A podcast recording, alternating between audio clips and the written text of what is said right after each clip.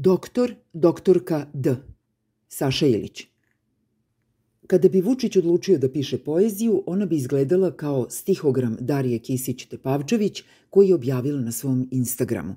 Ovaj stihogram je zapravo paskvila o Goranu Markoviću, napisana iz ugla političarke koja je doktorirala na medicini, ali je kao ministarka zadužena za resor boračkih pitanja. Ova pitanja su, kako red nalaže u Srbiji, u stvari najvažnije polje psihijatrije kojim se bavio jedan drugi doktor koji je iskoračio iz svog bazičnog zvanja i ušao u politiku, ne napuštajući praksu pisanja stihograma za koje je 1993. dobio nagradu Rista Ratkovića.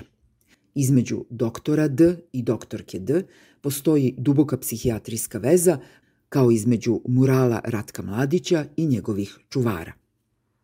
Već duže od mesec dana traje medijski linč reditelja Gorana Markovića, koji je aktiviran nakon sramne odluke Upravnog odbora Filmskog centra Srbije da poništi odluku komisije o dodeli sredstava Goranu Markoviću, Želimiru Žilniku i Srđanu Dragojeviću.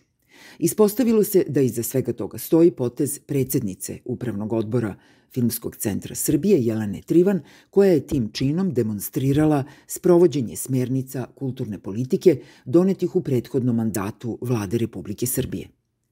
Ove smernice su zasnovane na Jasenovcu, žrtvenosti srpskog naroda, brdskom mentalitetu i aboliranju svih ratnih zločinaca koji su tokom 90-ih sprovodili politiku Slobodana Miloševića. Ovako formulisana kulturna politika Srbije u duboko je saglasnosti sa politikom Aleksandra Vučića, koja je dovela do nove konfrontacije sa svim susedima i trajne destabilizacije Bosne i Hercegovine. Cenzura koja se u Srbiji sprovodi legitimizovana je pravnim aktima Ministarstva kulture, koje danas samo sprovodi sve ono što je usvojeno u protekloj deceniji.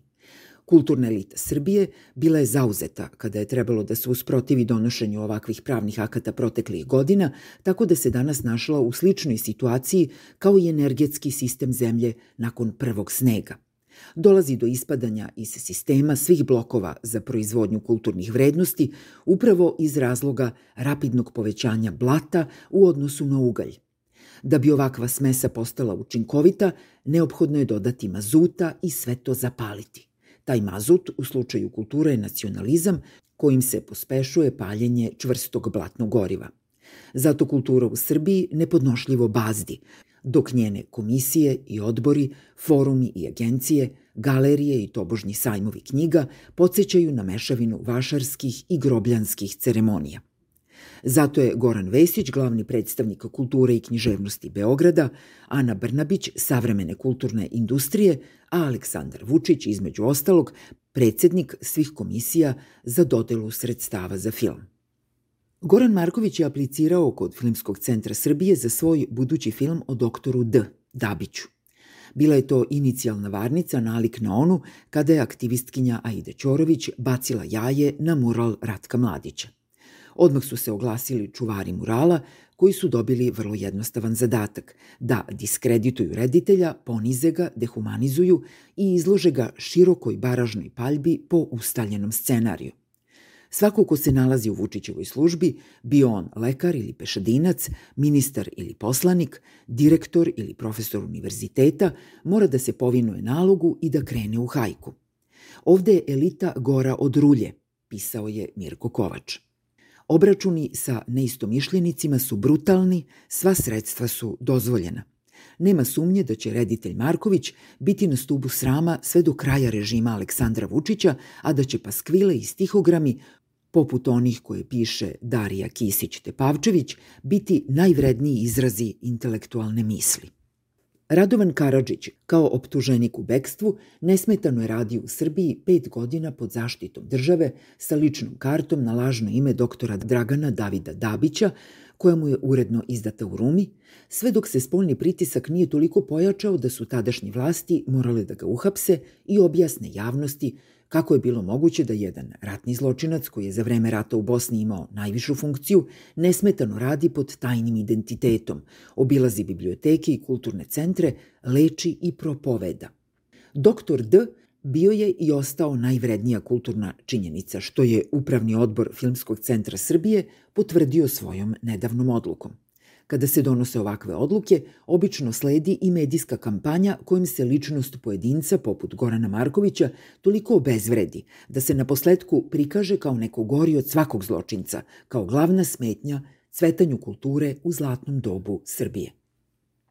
To je paskvila doktora Slobodana Antonića potvrdila po ko zna koji put, prikazavši rediteljev rad kao delo drugosrbijanskog kultur rasizma – Doktorka Kisić se potrudila da takvom pacijentu postavi dijagnozu u tri stavke. Frustriran i arogantan, umetnički impotentan, bez nacionalnog identiteta. Režim Aleksandra Vučića se ne libi da otvoreno zagovara nacionalni i kulturni identitet zasnovan na zločinima i genocidu. Ratko Mladić i Radovan Karadžić, što nam potvrđuju slučajevi murala i Filmskog centra Srbije, predstavljaju temelje takvih vrednosti, iako su pred Međunarodnim sudom osuđeni na doživotne kazne za genocid, zločine protiv čovečnosti i kršenje zakona i običaja ratovanja. Prema tome nema mesta čuđenju kada se ministri i premijerka obruše na pojedince iz kulture koji se drznu da nešto kažu protiv ovakve kulturne politike. Nemoguće je snimiti film ili seriju o ovim problemima, a da to ne liči na seriju porodica koja je obavila svoju istorijsku misiju revizije uloge bračnog para Milošević-Marković u godinama raspleta i raspada Jugoslavije. Na osnovu reputacije reditelja Gorana Markovića moglo bi se zaključiti da bi film o doktoru D predstavljao nešto suprotno.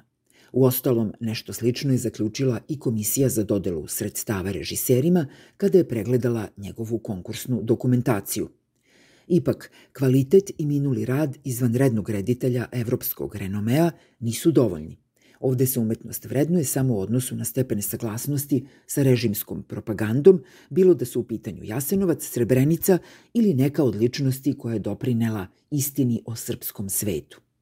A doktora D, kako nam poručuje stihogram doktorke D, moguće je filmski tretirati samo u tom ključu. Za sada.